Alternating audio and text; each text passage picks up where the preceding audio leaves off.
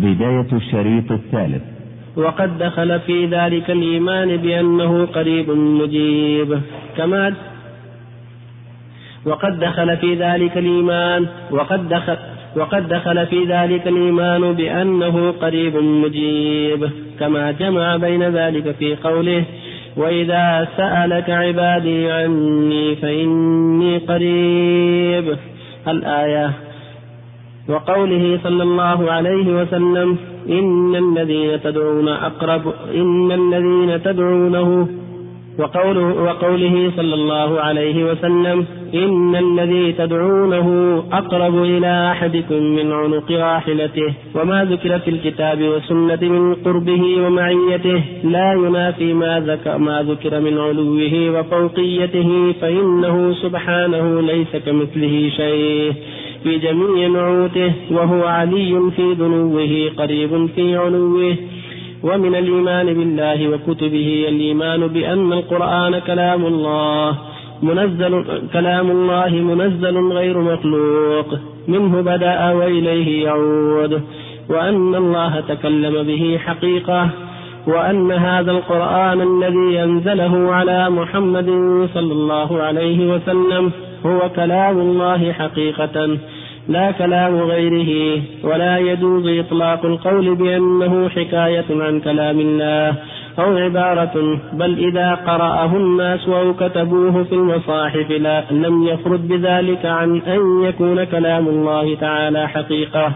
فإن الكلام إنما يضاف حقيقة إلى من قاله مبتديا لا إلى من قاله مبلغا مؤديا. وهو كلام الله حروفه ومعانيه ليس, كلا ليس كلام الله الحروف دون المعاني ولا المعاني دون الحروف. وقد دخل أيضا الحمد لله وصلى الله وسلم على رسول الله وعلى آله وأصحابه. أما بعد فيبين المؤلف رحمه الله أنه دخل في الإيمان بالله وأسمائه وصفاته المتقدم في مقدمة دخل في ذلك أيضا الإيمان بأنه قريب مجيب سبحانه وتعالى. فكونه هو كونه سبحانه عليا فوق العرش لا يمنع من كونه قريبا مجيبا سبحانه وتعالى. هو علي في دنوه قريب في علوه كما ذكر المؤلف.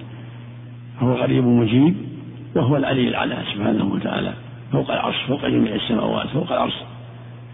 ولهذا قال جل وعلا وإذا سألك عبادي عني فإني قريب. وجوب دعوة الداعي إذا دعاني. هو سبحانه قريب من داعيه مجيب لعباده جل وعلا إذا اقتضت حكمته إجابتهم. وهكذا قوله صلى الله عليه وسلم الذي تدعونه سميع قريب. أقرب إلى أحد من أقرأ لما سمع بعض أصحابه يرفعون أصواتهم في السفر قال إنكم لا تدعون أصم ولا غائبا إن الذي تدعونها سميع قريب وفي الأصل إنما تدعون سميعا قريبا أقرب إلى أحد من أقرأ هو سبحانه مع علوه وكونه فوق العرش. لا يمنع ذلك من كونه قريبا مجيبا يسمع دعاء الداعي هو سميع الدعاء قريب الإجابة سميع قريب سبحانه وتعالى. وقد كرر ذلك في آيات كثيرة في وصفه بأنه سميع ويسمع السر وأخفى ولا يخفى عليه خلفه جل وعلا. فما ذكر من علوه وفوقيته لا ينافي ما ذكر من دنوه ومن قربه ومعيته. فهو مع عباده بعلمه واطلاعه وهو معكم أينما كنتم وهو مع أوليائه بعلمه وحفظه وكلاءته ونصره وتأييده سبحانه وتعالى. فالواجب على كل مؤمن مؤمنة الإيمان بذلك. وأنه سميع قريب وأن علوه جل وعلا فوق العرش. لا ينافي قربه من عباده وسماعه دعاءه جل وعلا. هو السميع قريب وهو علي عظيم جل وعلا. ولا يؤول حفظهما ولا العظيم فالحكم لله العلي الكبير الذي يصعد الكلام الطيب والعمل الصالح يرفعه.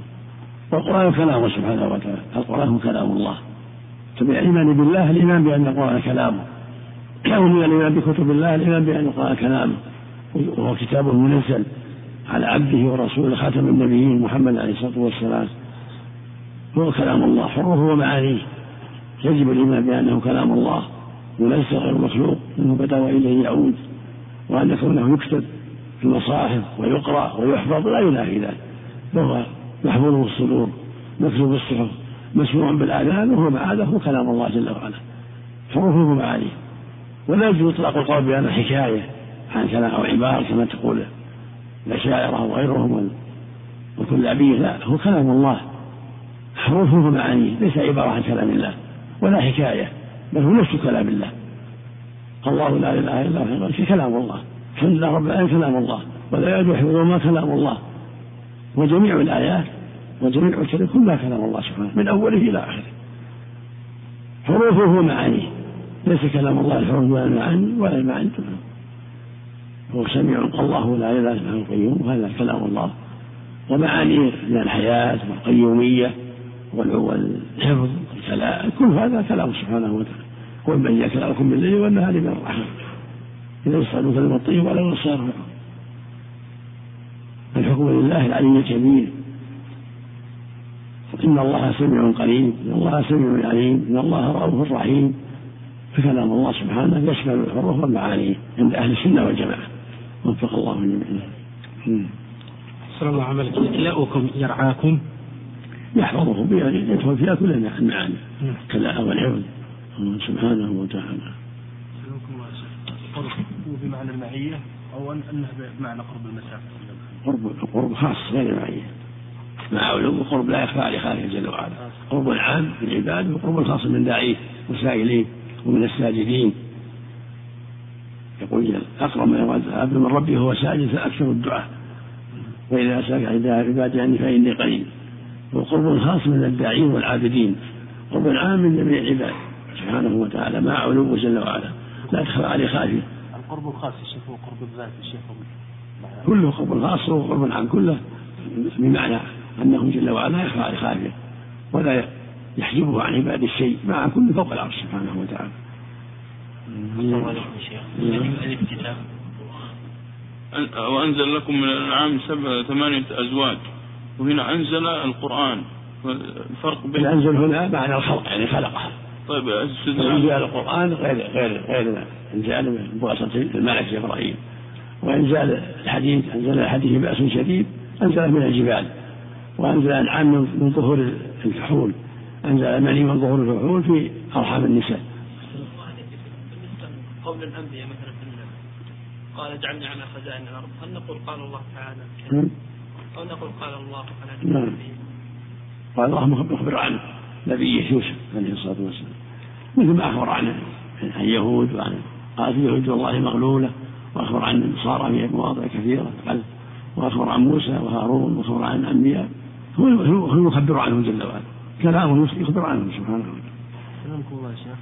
كفر الاعراض الذي يذكره العلماء مستقلا والذين كفروا عما أنذروا معرضون يعرض عن الدين لا يتعلمه ولا يعبد الله ولا يوحده ولا يؤمن عن معرض هذا هو اعراض قد يكون عن غير جحود ولا مانع الجحود مستقل كفر مستقل والإعراض كفر مستقل والتكفير كفر مستقل والسب كفر مستقل والإهانة كفر مستقل أنواع الكفر كثيرة. إذا قرأت باب حكم المرتد رأيت أنواعه كثيرة. وقد دخل أيضا فيما ذكرناه من الإيمان به وبكتبه وبملائكته وبرسله الإيمان بأن المؤمنين يرونه يوم القيامة عيانا عيانا يرونه يوم القيامة عيانا بأبصارهم كما يرون الشمس صحوا ليس بها سحاب وكما يرون القمر ليلة البدر لا لا يضامون في رؤيته. يرونه سبحانه وهم في عرسات القيامة. ثم يرونه بعد دخول الجنة كما يشاء الله تعالى. ومن الإيمان باليوم الآخر الإيمان بكل ما أخبر به النبي صلى الله عليه وسلم مما يكون بعد الموت. فيؤمنون بفتنة القبر وبعذاب القبر ونعيمه. فأما الفتنة فإن الناس يمتحنون في قبورهم.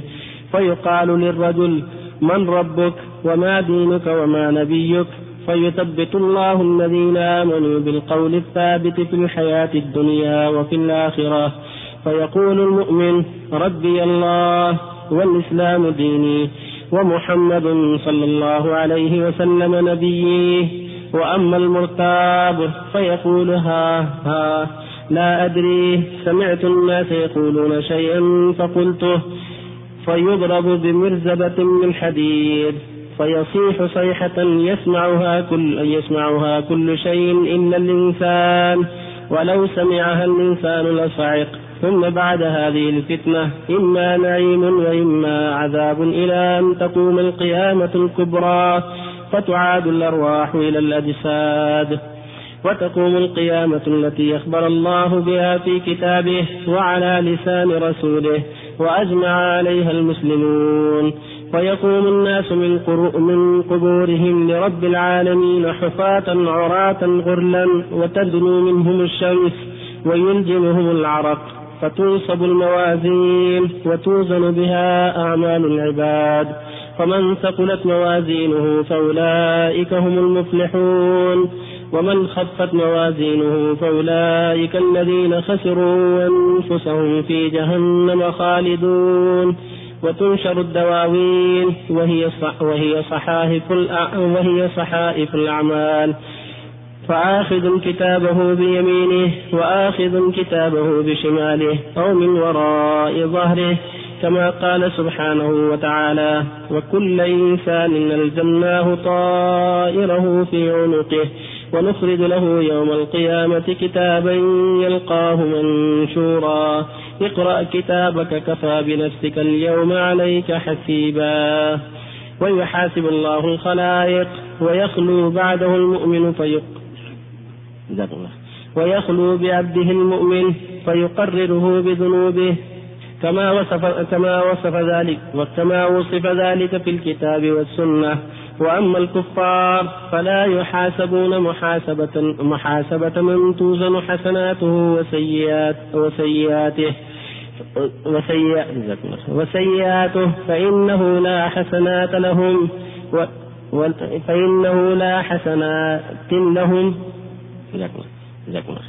فإنه لا حسنات لهم ولكن تعد أعمالهم فتحصى. فيوقفون عليها ويقررون بها. وفي عرفات القيام ويقررون ويجزون بها. وفي عرفات القيامة الحوض المورو. الحمد لله صلى الله وسلم على رسول الله وعلى آله وأصحابه ومن اهتدى به. أما بعد هذا الفصل في رؤية المؤمنين ربهم تقدم أن المؤمنين بالجملة يؤمنون بكل ما أخبر الله به ورسوله. من أمر الجنة والنار والملائكة والصحف والميزان وغير هذا من شؤون الآخرة. كل هذا يؤمن أهل السنة والجماعة. هذا العموم. كل ما أخبر الله به ورسوله عن أمر الآخرة والجنة والنار والحساب والجزاء والصحف وغير ذلك. أهل السنة أهل السنة يؤمنون بهذا كله على سبيل العموم. ومن ذلك الإيمان بأن المؤمنين يرون ربهم يوم القيامة. هذا من أخبار يوم القيامة. أن المؤمنون يرون ربهم يوم القيامة عيانا بأبصار عيانا مصدر عاين يعاين عيانا ومعاينة مثل قاتل قتالا ومقاتلة وحاسب حسابا ومحاسبة وجادل جدالا ومجادلة. وهم يرون ربهم عيانا. يعني بالأبصار رؤية واضحة. ليس فيها شك ولا شبهة. كما يرى القمر ليلة البدر لا يضام من رؤيته. وكما يرى الشمس صحوة ليس دونها سحاب. كما أخبر النبي بهذا عليه الصلاة والسلام. أما الكفار فلا يرون ذلك يحجبون. كما قال سبحانه كلا إنهم عن ربهم يومئذ يعني يوم القيامة لمحجوبون يرونه بأبصارهم عيانا كما ترى الشمس ليس دون السحاب وكما يقول عز البدر لا يضامون في رؤيته يرونه سبحانه يوم القيامة كما يشاء ويرونه بعد دخول الجنة كما يشاء سبحانه وتعالى. رؤيتان رؤية في الموقف ورؤية بعد دخول الجنة. في في الأوقات التي يكشف لهم الحجاب عن وجهه ويجمعهم سبحانه ويريهم وجهه الكريم. فلهم في الجنة أوقات معينة على حسب حسب منازلهم يرون ربهم فيها في أوقات متكررة. أما في الموقف يرونه سبحانه وتعالى رؤية خاصة بهم دون أهل الموقف. وأهل الجنة وأهل ومن ومن أصول أهل السنة الإيمان بكل ما أخبر الله به ورسوله من أمر الآخرة والجنة والنار والحساب والجزاء كل هذه هم بأهل السنة والجماعة. ومن ذلك الإيمان بعذاب قبره ونعيمة. أهل السنة يؤمن بذلك خلافا لأهل البدع. فيؤمن بعذاب القبر ونعيمة وأن الناس يفتنون في قبورهم. فيقال ربك رجل من ربك ما دينك من نبيك. فيثبت الله لنا قوله الثابت في الحياة والآخرة ويضل الله الظالمين كما قال سبحانه يثبت الله بقوله الثابت في الحياة والآخرة ويضل الله الظالمين وكان الله ما يشاء فالمؤمن يقول ربي الله والإسلام ديني ومحمد النبي عليه الصلاة والسلام. وأما المرتاب والكافر فيقول ها لا أدري. المنافق والكافر. المنافق الذي أظهر الإسلام وهو كافر والكافر الصريح يقول ها لا أدري. سمعت الناس يقولون شيء فقلت فيضرب بملزمة من حديد فيصل صيحة يسمعها كل شيء إلى الإنسان. ولا سمعها لسان الصغير ثم تقوم القيامات الكبرى بعد هذا بعد هذه الفتنة يبقى الإنسان إما في نعيم وإما في عذاب. المؤمن في نعيم روحه في الجنة تلقى روحه إلى الجنة. والكافر روحه إلى النار. كما قال سبحانه في أهل النار من أهل من أهل فرعون النار يعرضون غدوا وعشيا. ويوم تقوم الساعة أدخلوا آل فرعون شد العذاب. فتقوم القيامة الكبرى ويقوم الناس من قبورهم حفاة وراءة غرلا يرد الله إليهم أجسامهم ويبعثون كما خلقهم حفاة لا نعال لهم وراءة لا كسوة عليهم غرلا غير مفتونين يقومون رب العالمين. ويحاسب الله الخلائق جل وعلا. وتنصر الموازين وتوزن فيها أعمال العباد. فمن ثقل موازين فهو السعيد من خفت موازينه فهو الهالك. وتنشر الصحف وتوزع بينهم. فآخذ كتابه بيمينه وآخذ كتابه بشماله أو من وراء ظهره كما بينا في القرآن. وأما الكفار فلا يحاسبون محاسبة من توزن حسناته وسيئاته. لأنهم ما لهم حسنة لا حسنات لهم. ولكن تحصى عليهم أعمالهم ويقرون بها ويجزون بها. يعني يساقون إلى النار. تحصى عليهم أعمالهم ويعرفون بها. ويقرعون بها ثم يساقون إلى النار. كما قال تعالى وسيق الذين كفروا إلى جهنم زمرة. زمرة بعد زمرة نسأل الله العافية. بأعمالهم الخبيثة وكفرهم بالله عز وجل. أما أهل الجنة فيوسع الجنة مكرمين وفدا زمرا بعدما خلاصهم من الموقف وبعد مرورهم على الصراط وبعد خلاصهم من العرصة التي يوقفون عليها ساقوا إلى الجنة وفدا. كل ينصى منزله ويقصد وأعلم به منزل في الدنيا يقصدون منازلهم التي أعد الله لهم بعد انتهاء من العصر التي يأتي ذكرها إن شاء الله. المقصود أن هذا شأن يوم القيامة. يوم عظيم. مقداره خمسون ألف سنة.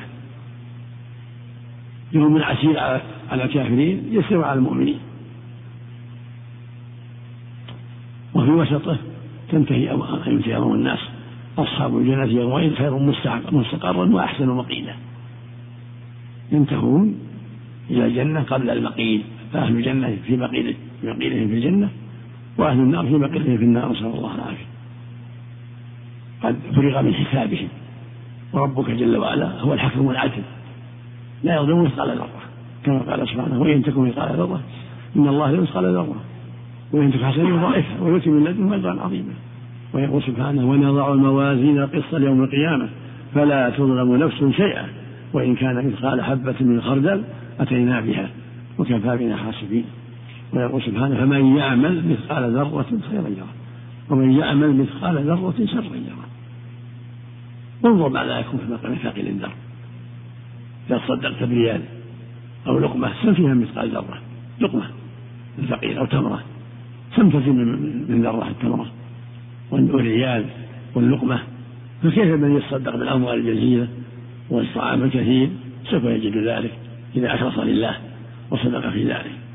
فمن يعمل مثقال ذرة خيرا يره ومن يعمل مثقال ذرة شرا يره. ويروى عن ابن عمر أنه صدق بحبة عنب فقيل له في ذلك ما ما قيمتها؟ قال كم تنزل من ثقيل الذرة الحبة نعم. المقصود أن الإنسان لا لا يحتقر الصدقة ولو قلت حسب طاقته. يتصدق بريال خمسة ريال لقمة يعطيها السائل تمرة يعطيها السائل تمرتين إلى غير ذلك. سبق لكم غير مرة أن امرأة جاءت إلى بيت النبي صلى الله عليه وسلم ومعها ابنتان لها تسحل كما في البخاري. قالت عائشة فلم أجد في البيت إلا ثلاث مرات ثلاث. صادف أنه في البيت تمر إلا ثلاث مرات فأخذتها وسلمتها للمرأة. الشاحنة فدفعت المرأة لكل واحد من بنتيها تمرة. وأخذت الثالثة لتأكلها. فاستطعمتها ابنتها التمرة الثالثة. يعني صاروا أسرع منها كما تمرتهم طلبوها الثالثة. فشقتها بينهما نصفين ولم تأكل شيئا. قالت عائشة فأعجبني شأنها. فلما جاء النبي أخبرت بشأنها. فقال إن الله سبحانه قد أوجب لها بها الجنة يعني بهذه الرحمة رحمت ابنتيها وشقت التمرة بينهما ولم تأكل شيئا. هذا يدل على أن الصدقة ولو بالقليل عن إخلاص وعن صدق فيه خير كثير فيه ذلك خير كثير. المهم أن تصدق بما تيسر اللي يستطيع مئة ريال واللي ألف ريال واللي ريال واحد واللي تمرة واللي لقمة واللي ثوب إلى غير هذا فاتقوا الله ما استطعتم. ونضع الموازين القسط يوم القيامة فلا تظلم نفس شيئا. وإن كان مثقال حبة من خردل أتينا بها. وكفى بنا حسن نسأل الله أن يوفق جميعا. نعم. الراجح رؤيا النبي صلى الله عليه وسلم لربه. نعم. الراجح لرؤيا النبي صلى الله عليه وسلم لربه في المعراج. هي قلبية أم في البشر؟ أنا رؤية قلبية. مثل قال ابن عباس رؤيا قلب. يقول صلى الله عليه وسلم لما سئل هل رأيت ربك؟ قال نور أن أراه قال رأيت نورا وقال واعلموا أن أحدا منكم لن يرى ربه حتى يموت رواه مسلم الصحيح ما أحد رأى ربه أبدا في الدنيا أبدا لا موسى ولا محمد ولا غيرهما لكن في الآخرة الله عليكم الرسول في المعراج هذه ما ما ما ما ما صح ما لا صح لا لا صح لا صح لم يرى ربه لما سئلت قال ثم قرأت لا تدركه الأبصار هذا ثابت عن عائشة صار محجوبون عن رؤيا ربهم يوم القيامة. نعم. لكن هل يسمعون تقريع ربهم وحسابهم؟ يسمع الكلام إيه؟ ما منكم من أحد إلا سيكلمه ربه. هكذا جاء الحديث الصحيح. ليس بينه وبينه ترجمان رواه الشيخان في الصحيحين. كل أحد يكلم. المؤمن بالرضا والخير والكافر بالغضب والتقريع. إن شاء الله السلام عليكم شيخ. بعد الدولة الأوروبية يعني يحسنون في في بعض الدولة الفقراء؟ يرزق في الدنيا يجازى في الدنيا. هل هل يجوز يجازى في الدنيا. يقول النبي صلى الله عليه وسلم إن الكافر إذا عمل حسنة يجزى بها في الدنيا. فيفضي الآخرة وليس له شيء. من قال عنهم هم الطيبين أو شيء كذا؟ هذا من جهل هو من جهل. العمل اللي ما مع التوحيد ما ينفع له إلا في الدنيا بس في الدنيا. ربك لا يرضي عمل عامل من أحسن في الدنيا أحسن في الدنيا. حتى بعض المسلمين يقولون عنهم يعني قد يقع بعض الكفار قد يحسنون ولكن ما ينفعهم في الآخرة. اعمالهم حادثه وقدمنا إلى ما عملوا من عمل فجعلناه هباء منثورا. ويقول صلى الله عليه وسلم إن الكافر إذا عمل حسنة أطعم بها طعمة في الدنيا. أما المؤمن فيؤجر عليها في الدنيا وتدخل له في الآخرة يجمع لها الامران المؤمن يحسن له في الدنيا ويجازى في الدنيا وفي الآخرة جميعا. مسألة خلق القرآن شيخ الفتنة لما أجاب بعض العلماء. الخير يحسب بهم الظن يا شيخ ويذكرون لما أجاب منهم. هذا مسألة خلاف مسألة الإكراه إذا أكره عليها إلى الصواب لا يعفى عنه. إذا قال به بلسانه دون قلبه قال الله جل وعلا من كفر بالله بعد إلا ما أكره وقلبه مطمئن. من قال وافقه مكرها بقلب بلسانه فقط فلا اسم. نص القرآن نص القرآن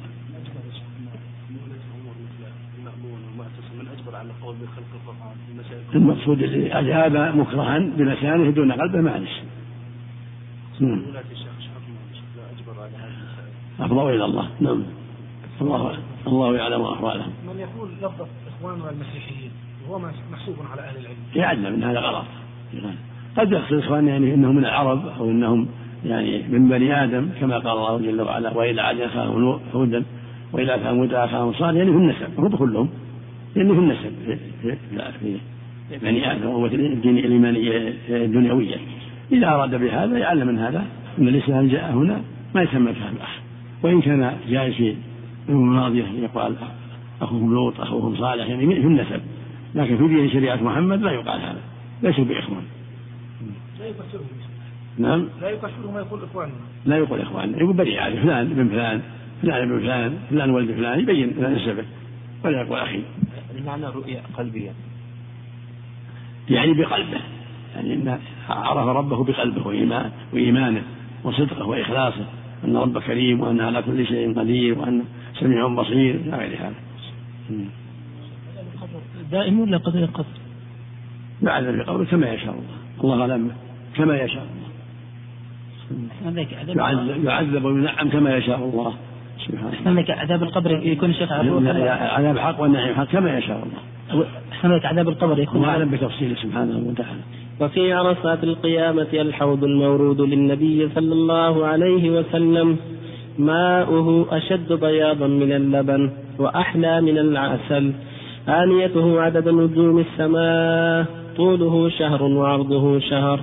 من يشرب منه شربة لا يظمأ بعدها أبدا. والصراط منصوب على متن جهنم وهو الجسر الذي بين الجنة والنار.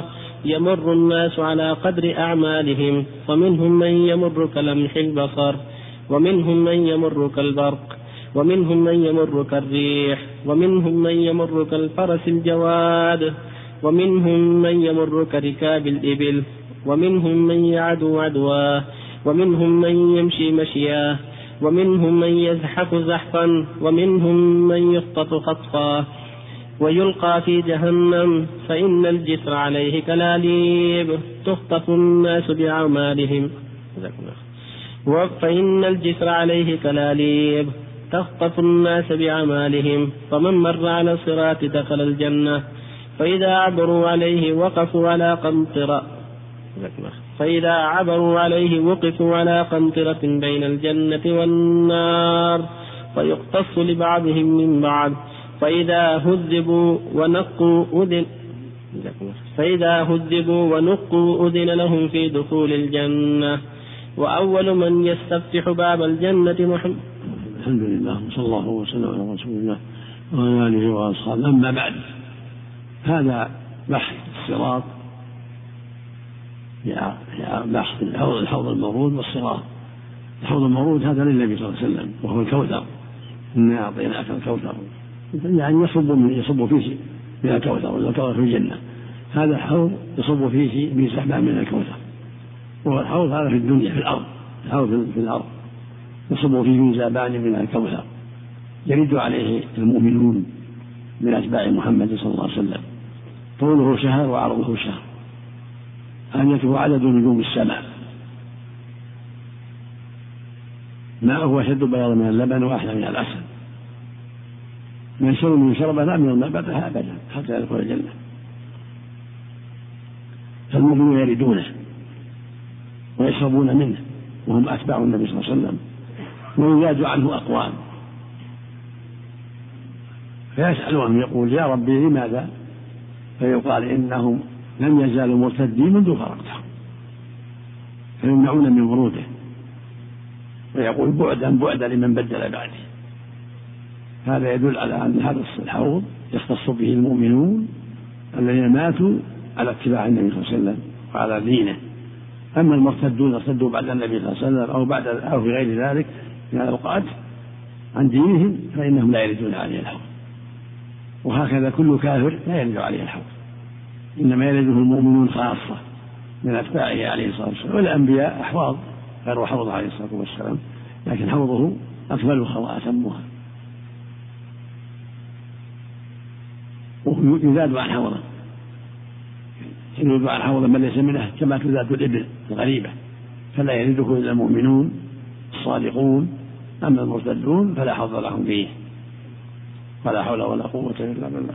نسأل الله جل وإياكم من يرد والصراط منصوب على متن جهنم هذا الصراط طريق منصوب على متن جهنم من سقط منه سقط في جهنم. وهذا يرده كل من دخل الجنة. كما قال تعالى وإن منكم إلا واردها كان حتما مقضيا ثم ننجي الذين اتقوا ونذر الظالمين كاجفين فالمؤمنون يردونه وينجون. وغير المؤمن لا يرده ولا يمر عليه بل يساقون إلى جهنم نسأل الله ويرده أناس يمر عليه أناس على هذا الصراط فمنهم من يمر كما البصر من المؤمنين ومنهم من يمر كالبر ومنهم من يمر كالفرس الجواد ومنهم من يمر كالريح ومنهم من يأمرك أجاود الخيل والركاب تجري بهم أعمالهم على حسب أعمالهم. ومنهم من يمر عليه حبوا وزحفا يقوم تارة ويسقط أخرى. ومنهم من يخطف ويبقى في جهنم نسأل الله العافية.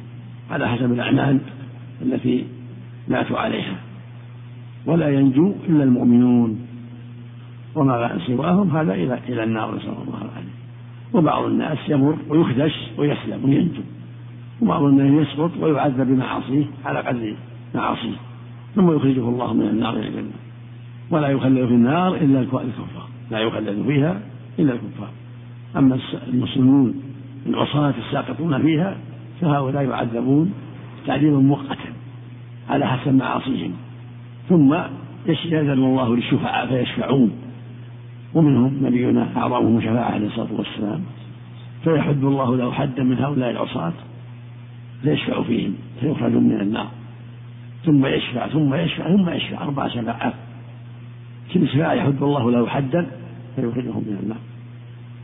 ويبقى في النار من من هذه الأمة من عصاتها قوم لم تشملهم الشفاعة فيخرجهم الله بعد ذلك بفضل رحمته سبحانه وتعالى. يخرجهم من النار إلى الجنة. ويلقون في نهر الحياة. نهر يقال له نهر الحياة. فينبتون فيه كما تنبت الحبة في حمل السيل. فإذا تم تم خلقهم أذن لهم في دخول الجنة. وبهذا يعلم المؤمن أن الواجب عليه الحرص على أسباب السلامة وأن هذه أخطار عظيمة لا من جهة الحوض ولا من جهة السواء فالواجب عليه أن يسأل الله حسن الختام وأن يجتهد في الثبات على الحق والاستقامة على الحق والحذر من معاصي الأمور من معاصي من معاصي الله عز وجل والحرص على التوبة. كلما زلت قدمه بادر بالتوبة ليس بمعصوم لكن يلزم التوبة. كلما حس بتقصير أو ذنب بادر بالتوبة. والذين إذا فعلوا فاحشة أو ظلموا أنفسهم ذكروا الله فاستغفروا ذنوبهم ومن يغفر الذنوب إلا الله ولم يصروا على ما فعلوا وهم يعلمون. أولئك جزاؤهم مغفرة من ربهم وجنات تجري من تحتها أنهار خالدين فيها ونعم أجر العاملين. فالمؤمن يحاسب نفسه دائما ويراقب وينظر ولا يعجب بعمله ولا يمن بعمله. بل يحاسب نفسه ويجاهدها لعله ينجو.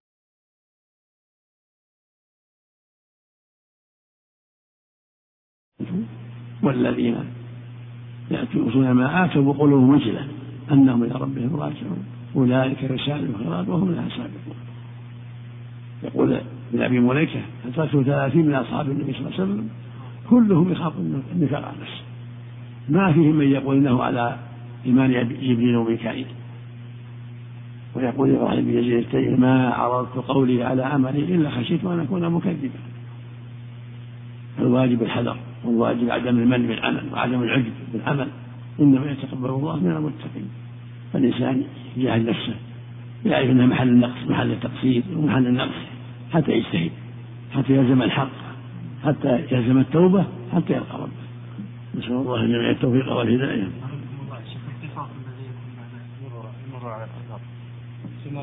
فيما إذا هل يبقى هناك عنطرة بين الجنة والنار؟ يقتص بعض هذا ناجي هم ناجون في كل حال.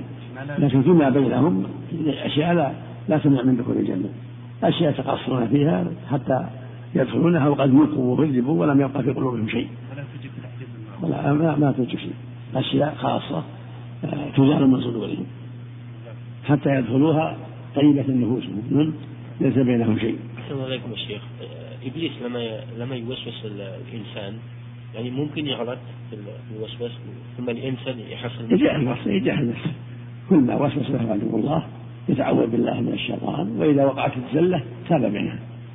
هذا مسلط ان الشيطان لكم عدو فاتقوه مبتلى هذا ابن آدم بهذا الشيطان. لابد من جهاد. في الشرع. المسلم يجتهد في التوبة نعم. والمحاربة للشيطان والتعوذ بالله منه والتعوذ بالله من دعاته ومن أصحابه. فلا يخالطهم حتى لعله يفعل الاسباب والذين جاهدوا فينا لنهدينهم سبلنا. وإن الله لمع المحسن هذه دار الجهاد هذه الدنيا. دار المجاهدة. نعم. أحسن الله إليكم. ما هو الدليل على أن لكل نبي حوض يوم القيامة؟ جاء في حديث جاء في حديث. ذكرها نعم. أحسن الله عملكم. ورد أنه وإن منكم إلا واردها. حتما مقضية طيب وهناك من يدخل كان حتما مقضية كان يعني مر عليه. نعم.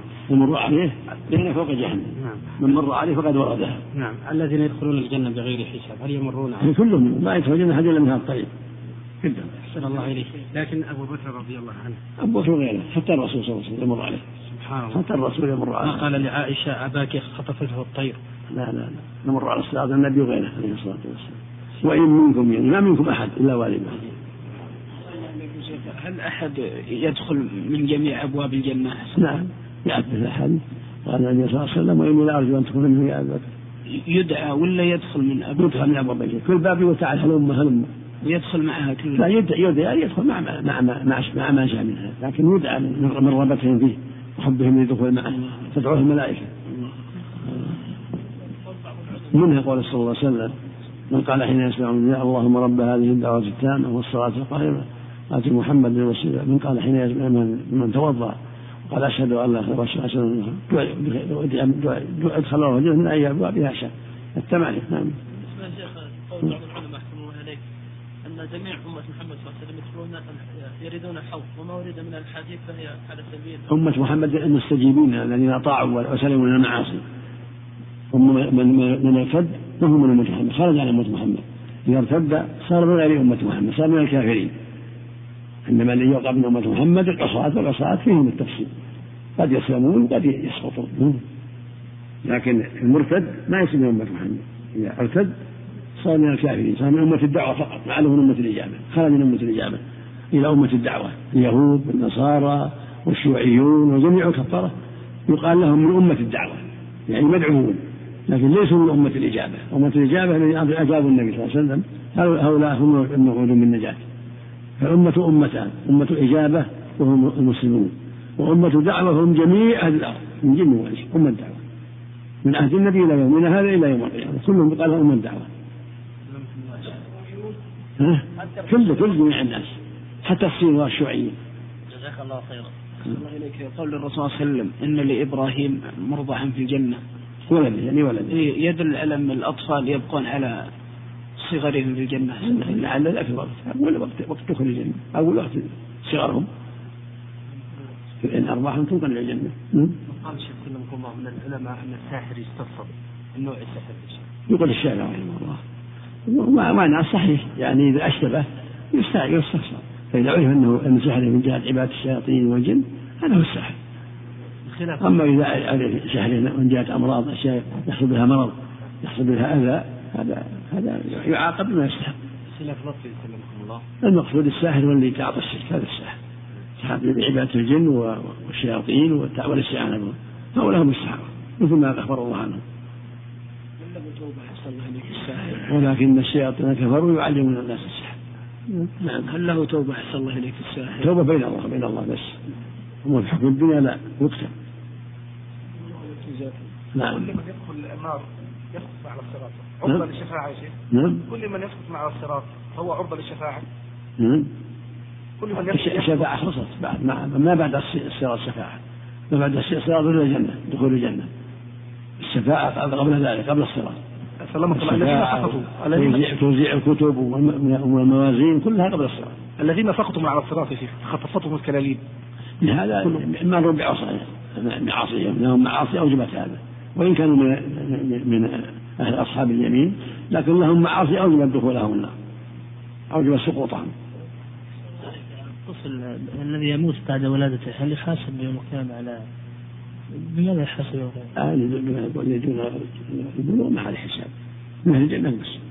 كل من كان يعني المسلمين ولا خاص بالمسلمين؟ الصواب حتى غير المسلمين حتى أولاد الكفار. إذا ماتوا صغارا الصواب أنهم من الناجين لأنهم يولدون على الفطرة. كل مولود على الفطره فهم من أهل النجاه مع الناجين ولا ولا ولا نسأل ما ما ما عليه شيء ما عليه خطر. ما عليه خطر. وأول من يستفتح باب الجنة محمد صلى الله عليه وسلم وأول من يدخلها من الأمم أمته وله صلى الله عليه وسلم في القيامة في القيامة ثلاث شفاعات. أما الشفاعة الأولى فيشفع في أهل الموقف حتى يقضى بينهم. بعد أن يتراجع الأنبياء آدم ونوح وإبراهيم وموسى وعيسى بن مريم عن الشفاعة حتى تنتهي إليه. وأما الشفاعة الثانية فيشفع, فيشفع في أهل الجنة أن يدخلوا الجنة وهاتان الشفاعتان خاصتان له. وأما الشفاعة الثالثة فيشفع في من استحق النار. في من استحق النار. وهذه الشفاعة له ولسائر النبيين والصديقين وغيرهم. ويشفع في من استحق النار أن لا يدخلها. ويشفع في من دخلها أن يخرج منها. ويخرج الله ويخرج الله من النار أقواما بغير شفاعة. بل بفضله ورحمته. ويبقى في الجنة فضل عمن دخلها من أهل الدنيا فينشئ الله أقواما فيدخلهم الجنة. وأصناف ما تضمنت ما ما ما تضمنته الدار الآخرة من الحساب والثواب والعقاب والجنة والنار. وتفاصيل ذلك مذكورة في الكتاب في, في الكتب المنزلة من السماء والآثار من العلم المأثور عن الأنبياء وفي العلم الموروث عن محمد صلى الله عليه وسلم. من ذلك ما يشفي ويكفي فمن ابتغاه وجده. وبالله التوفيق. وصلى الله وسلم على رسول الله وعلى آله وصحبه. أما بعد يقول المؤلف رحمه الله اول من يستفتح باب الجنة محمد صلى الله عليه وسلم هو نبينا صلى الله عليه وسلم. هو اول من يستفتح باب الجنة. والله جل وعلا أمر أن لا يفتح لأحد قبله. اول من يستفتح بابها واول من يقرع بابها ويقول له الخازن أمرت أن لا أفتح لأحد قبلك اللهم صل عليه وسلم وأول من يدخل الجنة من الأمم أمته. بعد الأنبياء أفضل الأمم أمة محمد صلى الله عليه وسلم. وهي أول من يدخل الجنة من الأمم. وله صلى الله عليه وسلم ثلاث شفاعات يوم القيامة. الشفاعة عظمى في أهل الموقف حتى يقضى بينهم ويحاسبوا وذلك بعد أن تتراجع الأنبياء آدم ونوح وإبراهيم وموسى وعيسى بن مريم. الناس إذا اشتد الموقف شفع فزع المؤمنون إلى آدم. ويقول يا آدم أنت أبو البشر خلقك الله بيده وأسر لك ملائكته وعلمك أسماء كل شيء. اشفع لنا ربك؟ ألا ترى ما فيه؟ ألا ترى ما قد بلغنا يعني من من المشقة من الشدة فيقول عليه الصلاة والسلام لست هناك لست هناكم إن ربي قد غضب اليوم غضبا لم يغضب قبله مثله ولم يغضب بعده مثله. ويكتب خطيئته وهي أكل من الشجرة وقد تاب منها لكن من شدة من شدة ورع الأنبياء وخوفهم وكمال إيمانهم عليه الصلاة والسلام. اذهبوا إلى غريب. اذهبوا إلى نوح. يأتون نوحا عليه الصلاة والسلام ويقولون أنت أول رسول أرسله الله للأرض بعد ما وقع الشرك فيه. قد سماك الله عبدا شكورا. ألا ترى ما فيه؟ ألا ترى ما قد بلغنا اشفع لنا ربك يقول مثل ما قال آدم. إن ربي قد غضب اليوم غضبا لم يغضب قبله مثله ولن يغضب بعده مثله. ويذكر دعوته على أمته. اذهبوا إلى غيره اذهبوا إلى غيره اذهبوا إلى إبراهيم. من إبراهيم فيقول مثل ذلك. إن ربي قد غضب يوم غضبا لم يغضب قبله مثله ولن يغضب بعده مثله. ويذكر كذباته الثلاث التي كذبها في ذات الله. والهند سقيم والبل فعله كبيرهم كبيرهم هذا فيقول اذهبوا إلى غيره اذهبوا إلى موسى فيأتون موسى. فيقول مثل قولهم إن غضب ربي قد غضب لم يغضب له مثله ولن يغضب له من بعده مثله. وإني قد قتلت, نفسا لم أمر بقتلها. اذهبوا إلى غيره اذهبوا إلى عيسى. فيأتون عيسى فيقول له اشفع لنا ربك. فيعتذر عيسى ويقول مثل ما قال من قبله إن ربي قضى غضبا لم يغضب قبله مثله ولم يغضب بعده مثله. اذهبوا إلى محمد. عبد غفر الله له ما تقدم من ذنبه وما تأخر. قال فيأتوني فيقول أنا لها أنا لها اللهم صل وسلم. ثم يتقدم إلى ربه فيسجد تحت العرش. بين يدي ربه ويحمده بمحامد عظيمة فتحها الله عليه. ثم يقال يا محمد ارفع رأسك وقل يسمع وسوف تعطى خشبة الشفاء. فيشفع فيها الموقف حتى يقضى بينهم ويشفع فيها الجنة حتى يدخلوا الجنة. ثم يشفع شفاعة أخرى. في أناس دخلوا النار بذنوبهم ومعاصيهم. فيحد الله له حدا فيخرجهم من النار. ثم يشفع فيحد الله له حدا فيخرجهم من النار. ثم يشفع فيحد الله له حدا فيخرجهم من النار. ثم يشفع فيحد الله له حدا فيخرجهم أربع مرات عليه الصلاة والسلام كما جاء في الصحيح. ويشفع الأنبياء والمؤمنون والأفراد. مثل قال المؤلف تفاصيل يوم القيامة أمر عظيم. ويبقى في النار جملة من الموحدين. لم تعمهم الشفاعات. يبقى في النار جماعة من الموحدين العصاة الذين دخلوها بذنوبهم. فيخرجهم الله من النار برحمته جل وعلا من غير شفاعة أحد؟ هم البقية. قد امتحشوا واحترقوا في النار. ويلقون في نهر الحياة فينبتون كما تنبت الحبة في حميل السيل. إذا تم خلقهم أدخلهم الله الجنة بفضل رحمته سبحانه وتعالى. ولا يبقى في النار من الموحد الأحد. ما يبقى فيها إلا الكفار الذين كتب الله عليهم الخلود فيها. بكفرهم بالله كما قال تعالى كذلك يريهم الله أعمالهم حسرات عليهم وما هم بخارجين من النار. قال في حقهم كلما خبث زدناهم سعيرا. قال تعالى في حقهم فذوقوا فلن نزيدكم إلا عذابا. قال في حقهم يريدون أن يخرجوا من النار وما هم بخارجين منها ولهم عذاب مقيم. أعوذ بالله. وقال في حقهم وهم يصطرخون فيها. ربنا أخرجنا نعمل صالحا. غير الذي كنا نعمل. فيقول الله لهم أولم نعمركم ما تذكروا فيما تذكر؟ من في الدنيا. وجاءكم النذير فذوقوا فما للظالمين من نصير هذه حالهم وهذه نهايتهم. العذاب السرمدي نسأل الله العافية. أبد الآباد لا تنتهي النار ولا يخرج منها ولا تنتهي. نسأل الله العافية. نسأل الله. أما تفاصيل يوم القيامة ما يتعلق بالميزان وفي الميزان وثقال الميزان توزيع الصحف وما يصيبهم من الكبر العظيم إلى غيره كل هذا موجود في بعضه في القرآن وبعضه في الأحاديث الصحيحة.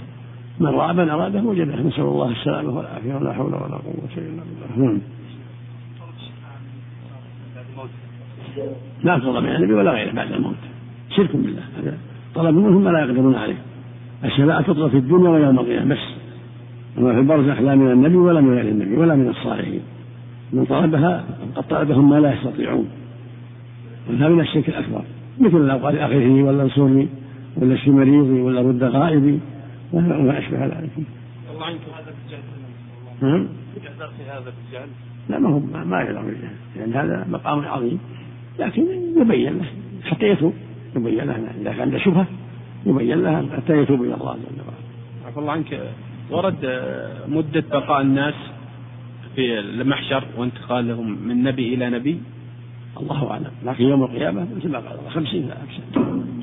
يوم كان مقداره خمسين ألف سنة نسأل الله العافية. يوم طويل يوم طويل. خمسين ألف سنة يوم القيامة. لكن دل القرآن على أنه أنه ينتهي حسابهم قبل نصف النهار. أصحاب الجنة يوم خير مستقرا وأحسن مقيلا. دل على إذا جاء نصف النهار قد انتهى الأمر. صار أهل الجنة إلى الجنة وأهل النار إلى النار. نسأل الله العافية. عن أيام هذا في يوم. داره خمسين ألف سنة في أيام الدنيا.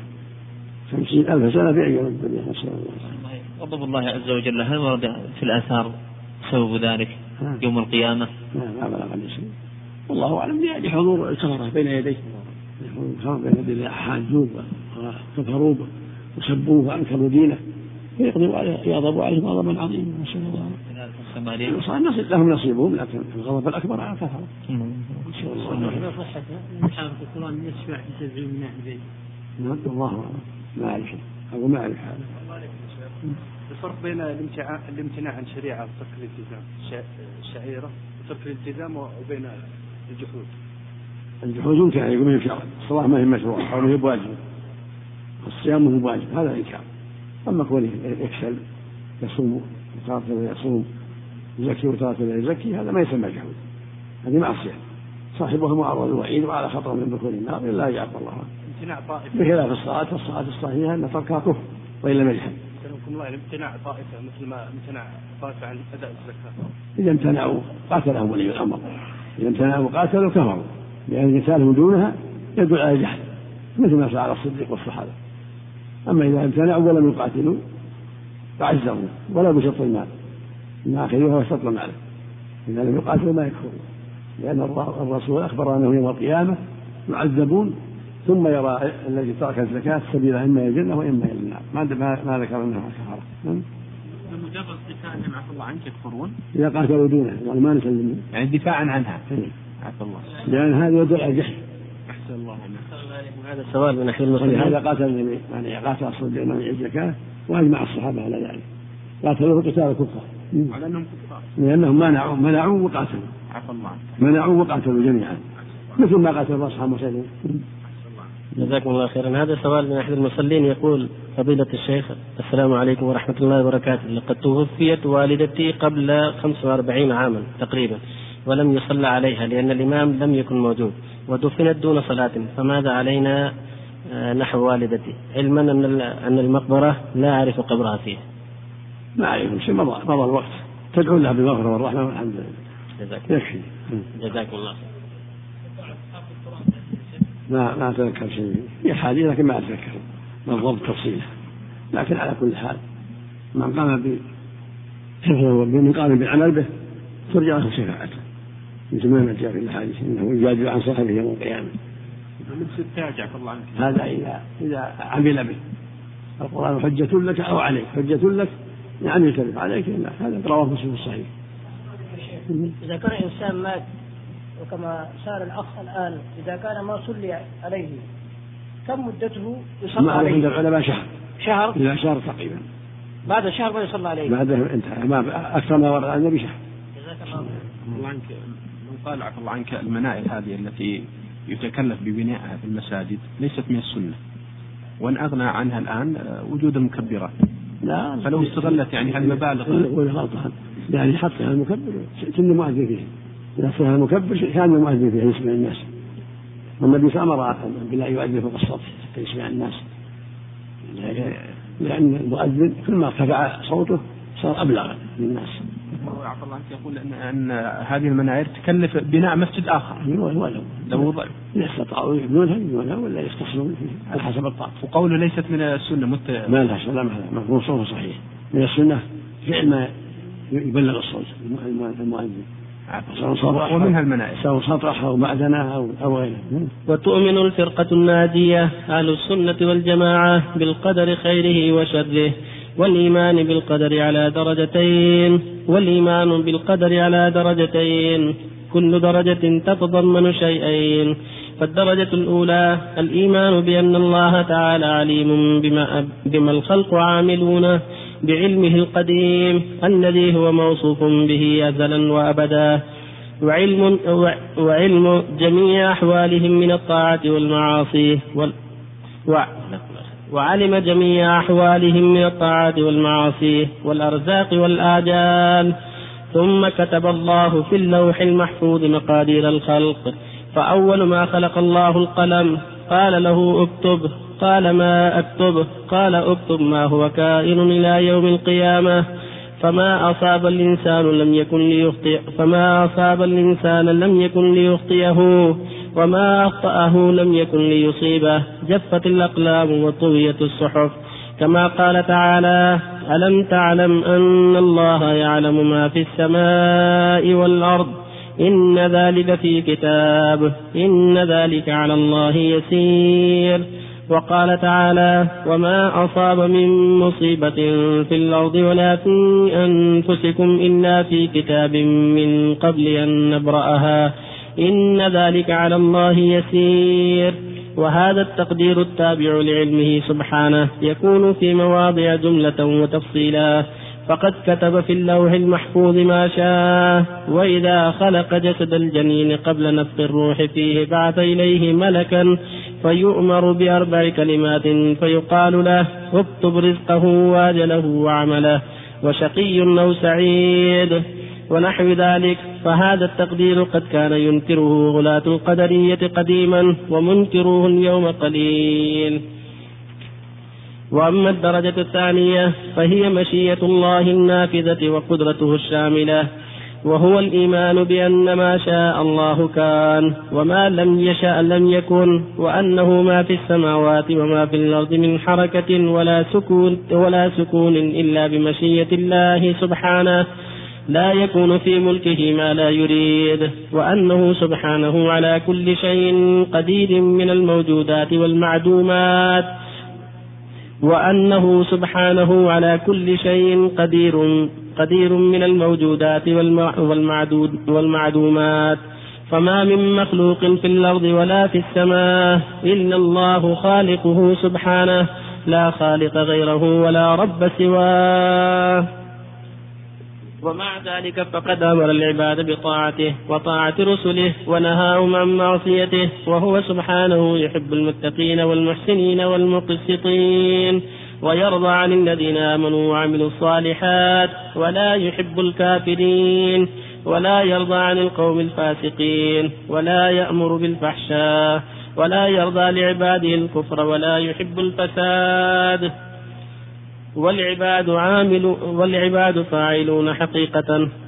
والله خالق أفعالهم والعبد هو المؤمن والكافر والبر والفاجر والمصلي والصائم. وللعباد قدرة على أعمالهم ولهم إرادة. والله خالقهم وخالق قدرتهم وإرادتهم. كما قال تعالى لمن شاء منكم أن يستقيم وما تشاءون إلا أن يشاء الله رب العالمين وهذه الدرجة من القدر يكذب بها عامة القدرية الذين سماهم النبي صلى الله عليه وسلم مجوس هذه الأمة ويغلو في سماهم النبي صلى الله عليه وسلم مجوس هذه الأمة ويغلو فيها قوم من أهل الإثبات حتى سلبوا العبد قدرته واختياره.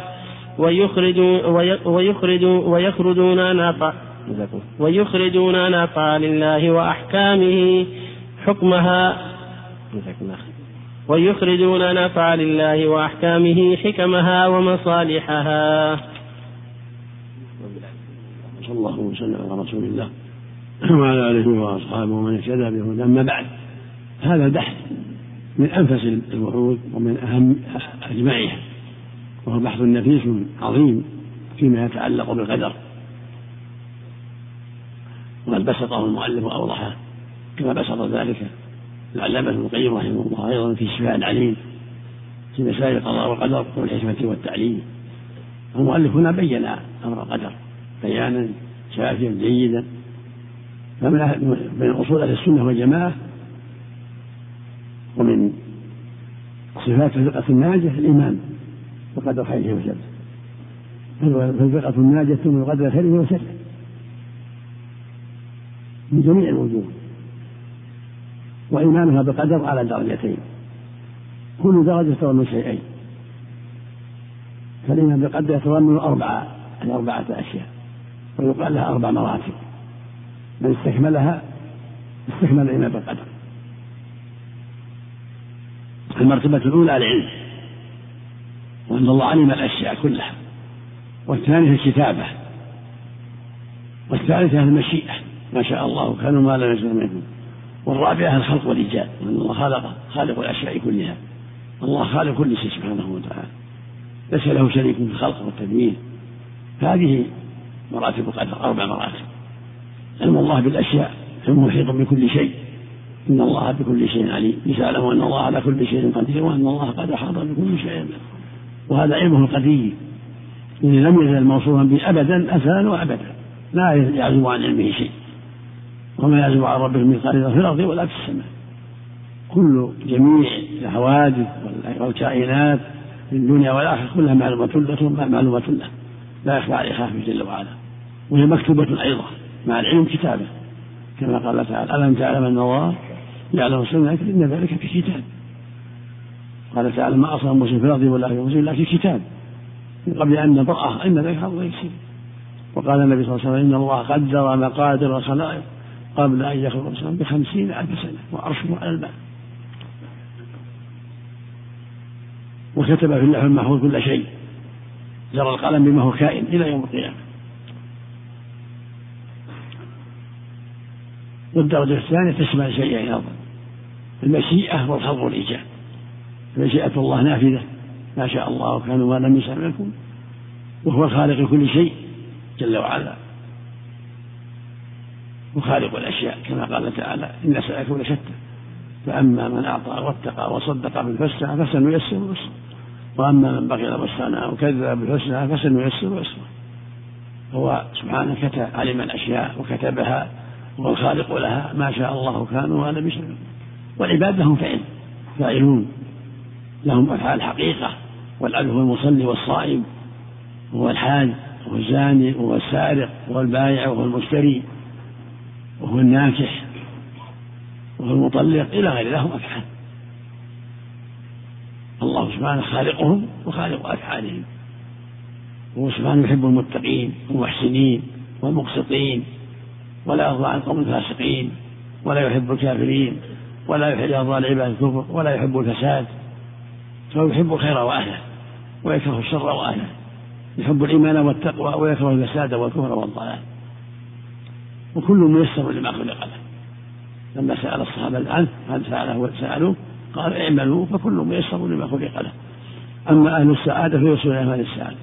وأما أهل الشقاوة فيوصلون إلى أهل الشقاوة والدرجة الأولى وهي علم الله قد كانوا يمكنها الغلاة القدرية قديما ثم رجعوا عن ذلك وممكنها اليوم قليل علم الله بالأشياء كتابته لها.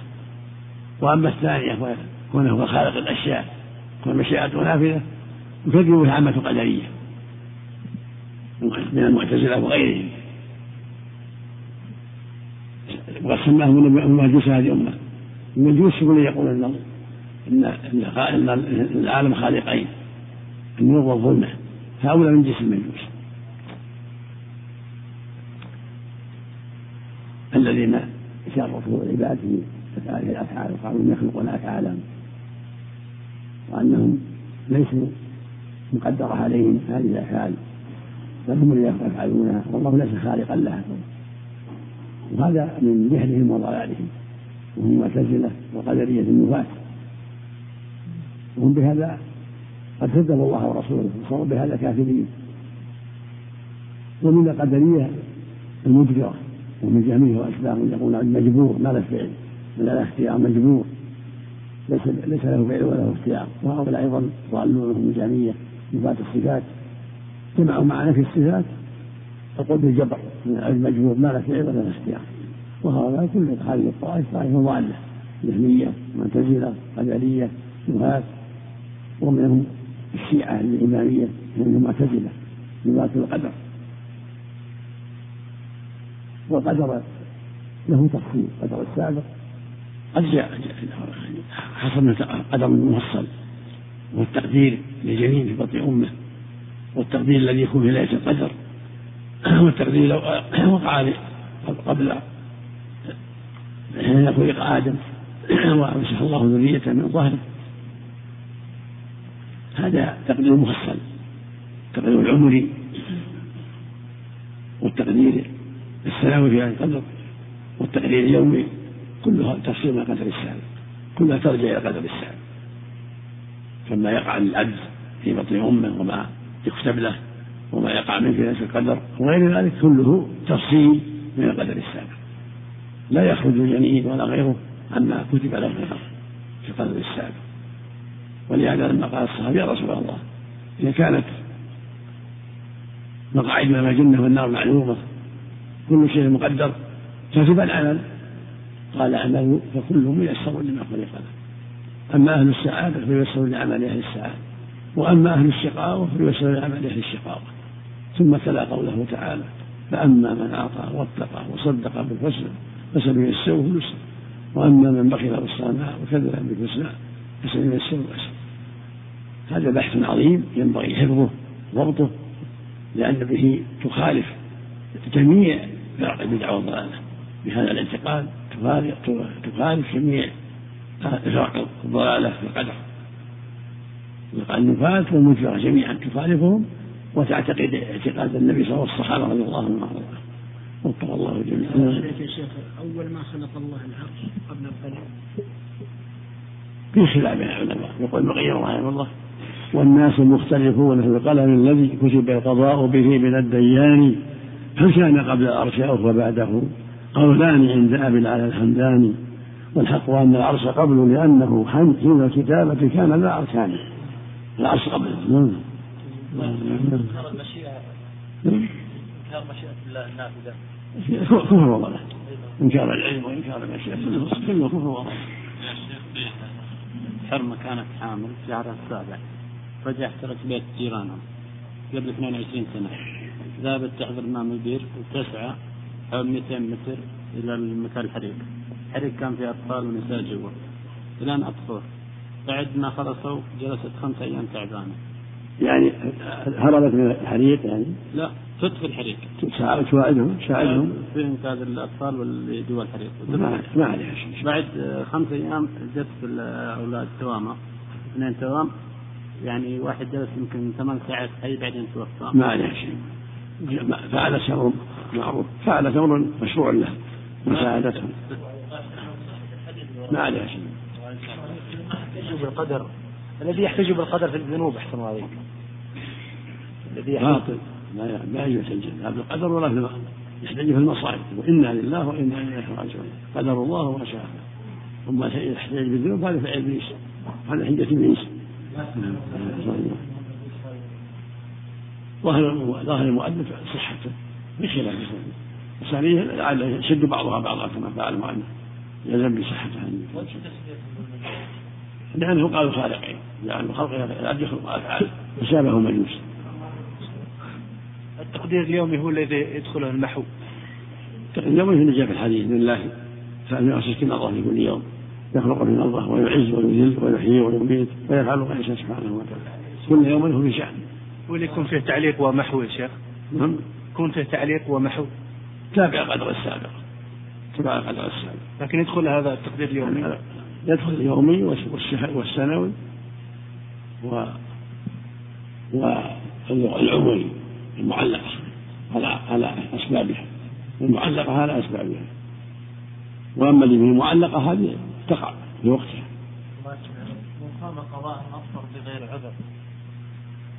عليه التوبة إلى الله. ما يأثم عليه التوبة. يعلم عليه التوبة. توجيه كلام ان أن الدعاء يرد القضاء. هذا معلق. المقدر القدر المعلق عليه. لا يرد القدر إلى الدعاء الدعاء اللي يقع عليه قدر نعم قد قدر الله لفلان أنه متى سافر سلم. ومتى عالج سلم هذا ومتى دعا بكذا سلم هذا معلق على أسبابه إذا فعلها انتهى. يكون يكون القضاء يا شيخ بالنسبة للصلاة والبر والفاجر حفظكم الله يعني العاصي يعني في هذا الأمر إذا كان مدخن وما تصح الصلاة تصح الصلاة إلا إذا كان كافر. بفات الحكمة من الفرق. نعم. بفات الحكمة من الفرق حكمها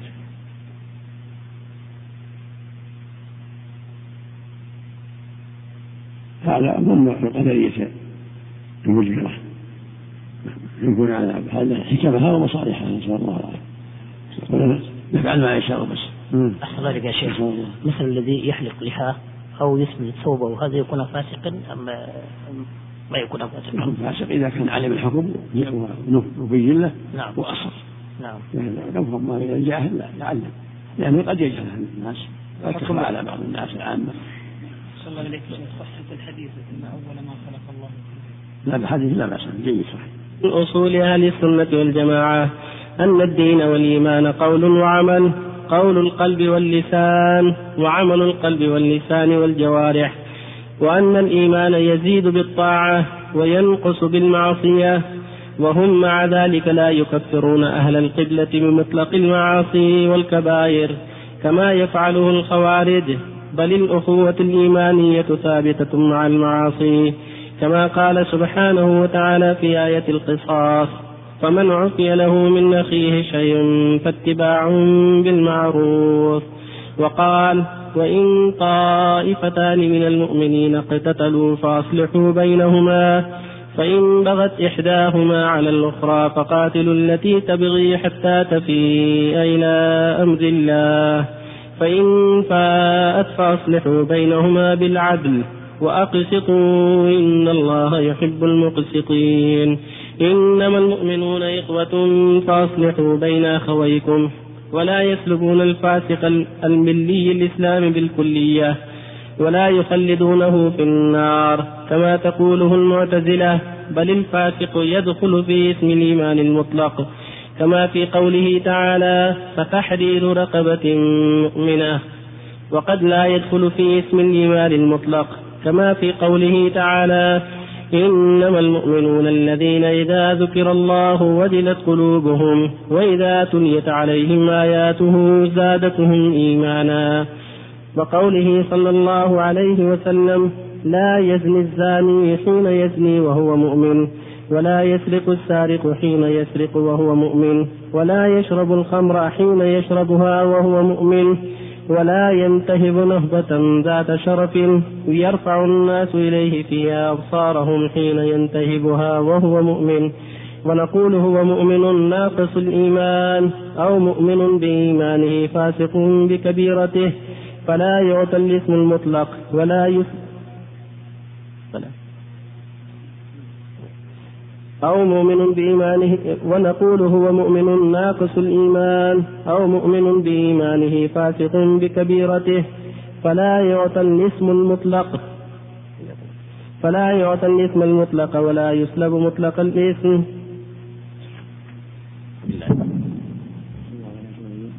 وعلى آله وصحبه أما بعد هذا بحث عظيم من عقائد أهل السنة والجماعة. أن الإيمان الإيمان والإيمان قول وعمل. قول القلب واللسان وعمل القلب والجوارح. هذا الذي عليه أهل السنة والجماعة. خلافا للمرجئة من المعتزلة والخوارج. المرجئة والخوارج أيضا. لكن الخوارج يوافقون على هذا لكن عندهم لا يزيد ولا ينقص. وهكذا المعتزلة عندهم لا يزيد ولا ينقص. بل إما يوجد كله أو يذهب كله. ولهذا كفروا بالمعاصي. كفروا العاصي وخلدوه في النار والمعتزلة وافقهم وافقتهم على ذلك في حكم الآخرة وجعلوا العاصي مخلدا في النار. والمرجئة أخرجوا العمل من الإيمان وقالوا إنه قول فقط أو تصديق فقط أو تصديق قول وكلا الطوائف المذكورة كلها غالطة وضالة عن السبيل والصواب لأهل السنة والجماعة أنه قول وعمل. قول القلب واللسان وعمل القلب والجوارح فالمحبة لله والخوف منه والإخلاص له عمل قلبي والتصديق عمل قلبي والتصديق بالقول عمل قلبي التسبيح والتهليل والذكر عمل قلبي عمل جارحي والصلاة والزكاة والصيام والحج والجهاد من عمل الجوارح. هكذا في السنة والجماعة. عندهم أن الإيمان قول وعمل يزيد بالطاعات وينقص بالمعاصي قول وعمل يدخل فيه الخوارج والمعتزلة. يزيد بالطاعات وينقص بالمعاصي إخراج المعتزلة والخوارج والرد عليهم. وإخراج المرجئة والقول وعمل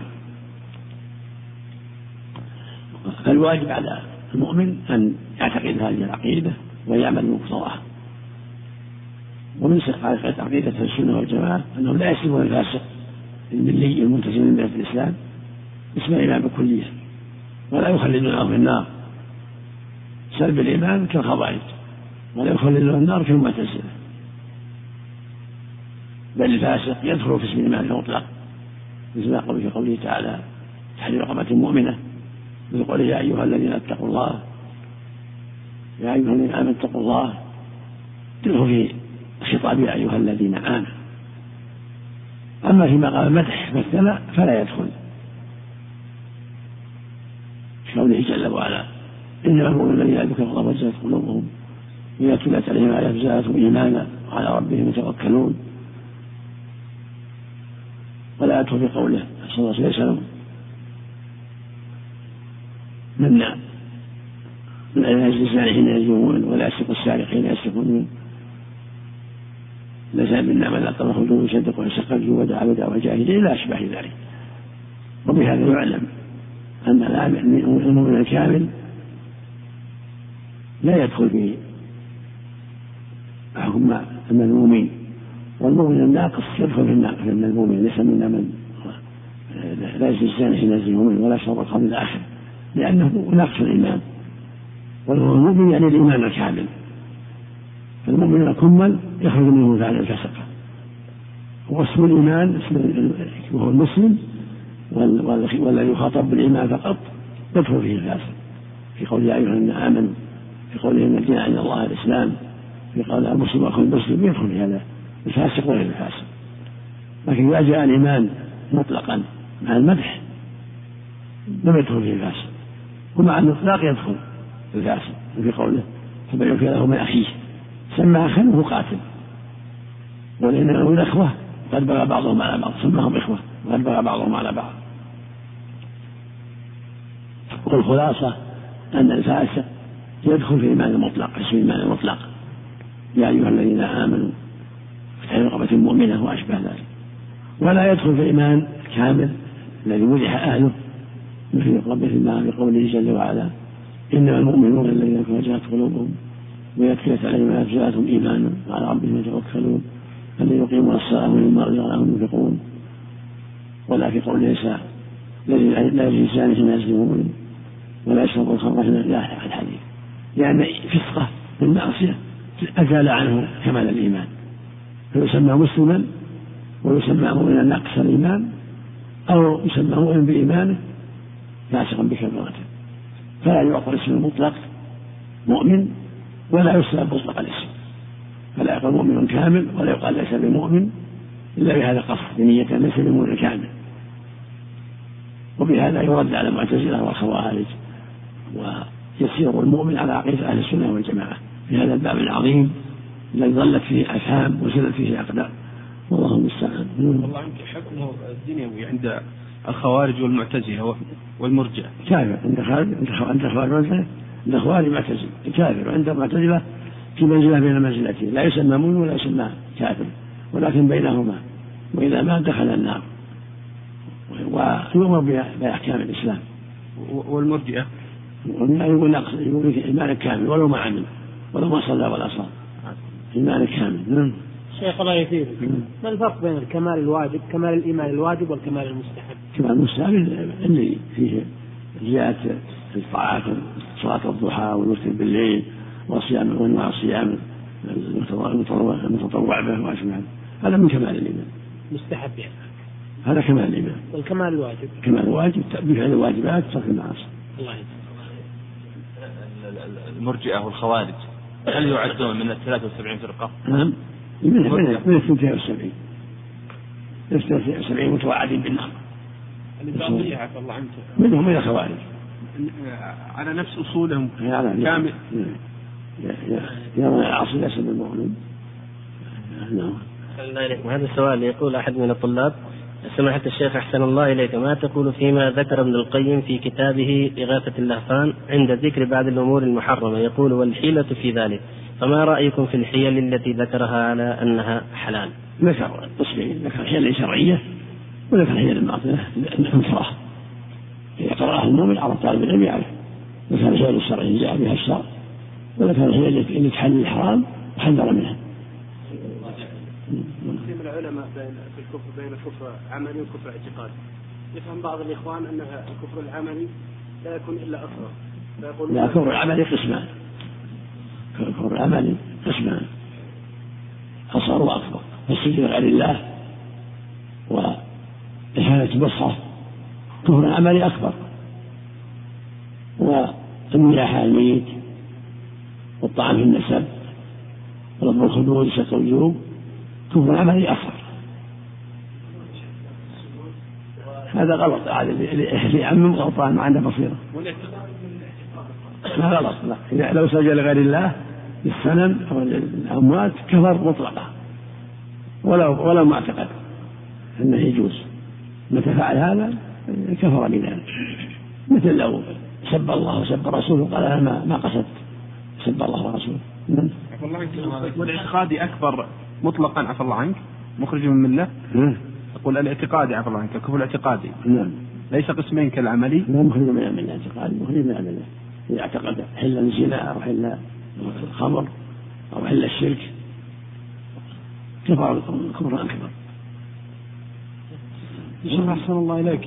حديث النبي صلى الله عليه وسلم الذي يقول لا يؤمن أحدكم حتى يكون هواه تبعا لما جئت به. ما صحة هذا الحديث يا شيخ؟ بعض أهل صحها بسبب بعض المقال صحها بعض الجماعة. ومعنى صحيح يعني ما يؤمن الإيمان الكامل نعم. يعني الإيمان الكامل يكون هواه تبعا لما جاء به يعني الحديث صحيح. أما إذا مال هواه إلى الزنا أو الفواحش صار صار ناقص الإيمان. يعني يكون الحديث صحيح يا شيخ؟ في خلاف في صحة خلاف بعض أهل صحها ولكن معنى صحيح. معنى صحيح. طيب يا شيخ بالنسبة للحديث النبي صلى الله عليه وسلم الذي يقول فيه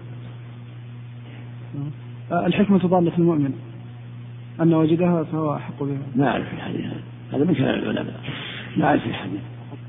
ومن أصول أهل السنة والجماعة سلامة قلوبهم وألسنتهم لأصحاب رسول الله صلى الله عليه وسلم كما وصفهم الله به في قوله تعالى والذين جاءوا من بعدهم يقولون ربنا اغفر لنا ولإخواننا الذين سبقونا بالإيمان ولا تجعل في قلوبنا غلا للذين آمنوا ربنا إنك رؤوف رحيم. وطاعة الرسول صلى الله عليه وسلم في قوله لا تسبوا أصحابي فوالذي نفسي بيده لو أن أحدكم أنفق مثل أحد ذهبا ما بلغ مد أحدهم ولا نصيفه.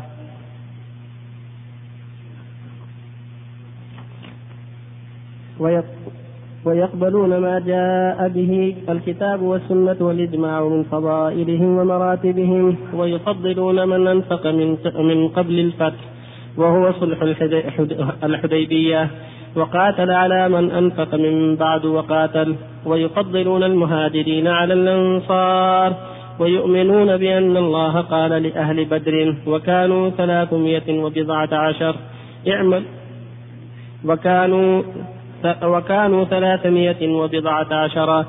اعملوا ما شئتم فقد فقد غفرت لكم وبأنه لا يدخل النار أحد بايع تحت الشجرة كما أخبر به النبي صلى الله عليه وسلم بل لقد رضي الله عنهم ورضوا عنه.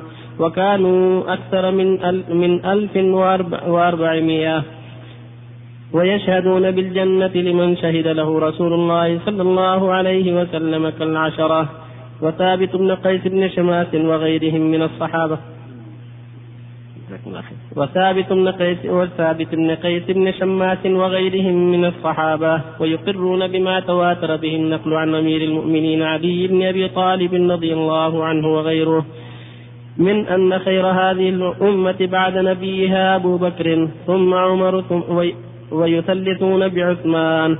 ويربعون بعلي رضي الله عنهم كما دلت عليه الآثار وكما أجمع الصحابة على تقديم عثمان في البيعة مع أن بعد أهل السنة كانوا قد اختلفوا في عثمان وعلي رضي الله عنهما بعد اتفاقهم على تقديم أبي بكر وعمر أيهما أفضل؟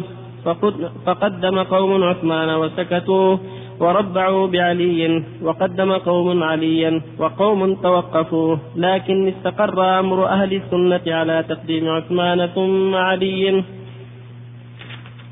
وإن كانت هذه المسألة مسألة عثمان وعلي ليست من الأصول التي يضلل, يضلل, يضلل, يضلل المخالف فيها عند جمهور أهل السنة لكن التي يضلل فيها يضلل فيها مسألة الخلافة. وذلك لأنهم يؤمنون أن الخليفة بعد بعد رسول الله صلى الله عليه وسلم أبو بكر ثم عمر ثم عثمان ثم علي.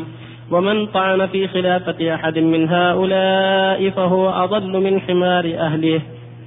ويحبون أهل بيت رسول الله صلى الله عليه وسلم ويتولونهم ويحفظون فيهم وصية رسول الله صلى الله عليه وسلم. حيث قال يوم غدير خم. يوم غدير خم. أذكركم الله في أهل بيتي. وقال أيضا للعباس عمه وقد اشتكى وقد اشتكي إليه أن بعد قريش وقد اشتكى إليه أن بعد قريش يجفو بني, يجفو بني هاشم. فقال والذي نفسي بيده لا يؤمنون حتى يحبوكم لله ولقرابتي. وقال إن الله اصطفى بني إسماعيل واصطفى من بني إسماعيل كنانة من بني إسماعيل كنانة واصطفى من كنانة قريشا واصطفى من قريش بني هاشم واصطفاني من بني هاشم ويتولون أزواج النبي صلى الله عليه وسلم أمهات المؤمنين ويؤمنون بأنهن بأنهن أزواجه في الآخرة خصوصا خديجة رضي الله عنها. أما أكثر أولاده و... أم أكثر أكثر أولاده وأول من آمن به وعادده على أمره وكان لها منه المنزلة العالية. والصديقة بنت الصديق رضي الله عنها.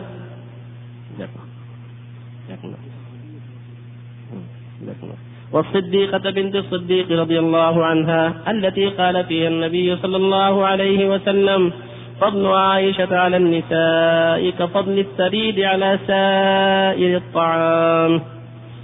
ويتبرؤون من طريقة الروافض الذين يبغضون الصحابة ويسبونهم ومن طريقة النواصب الذين يؤذون أهل البيت بقول أو عمل ويمسكون عما شجر بين الصحابة ويقولون إن هذه الآثار المروية في مسابيهم منها ما هو كذب. ومنها ما قد زيد فيه ونقص وغير عن وجهه. والصحيح من منه هم فيه معذورون. إما مجتهدون مصيبون وإما مجتهدون مخطئون. وهم مع ذلك لا يعتقدون أن كل واحد من الصحابة معصوم من كبائر الإثم وصغائره. بل تجوز, علي تجوز عليهم الذنوب في الجملة ولهم من السوابق والفضائل. ما يوجب مغفرة ما يصدر منه من صدر حتى أنهم يغفر لهم من السيئات ما لا يغفر لمن بعدهم. لأن لهم من الحسنات التي تمحو السيئات ما ليس لمن بعدهم. وقد ثبت بقول رسول الله صلى الله عليه وسلم أنهم خير القرون. وأن المد من أحدهم إذا تصدق به كان أفضل من جبل أحد ذهبا مما بعدهم. ثم إذا كان قد من جبل أحد ذهبا ممن بعدهم. ثم إذا كان قد صدر من أحدهم ذنب فيكون قد تاب منه. أو أتى بحسنات تمحوه أو غفر له بفضل سابقته. أو بشفاعة محمد صلى الله عليه وسلم. الذي هم أحق الناس بشفاعته أو أبتلي ببلاء في الدنيا كفر به عنه.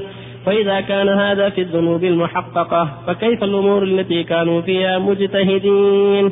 إن أصابوا فلهم أجران وإن أخطأوا لهم أجر واحد والخطأ مغفور ثم القدر الذي ينكر من فعلهم قليل. ثم القدر الذي ينكر من بعدهم. ثم القدر الذي ينكر من فعل بعضهم قليل. نذر مغمور في جنب فضائل القوم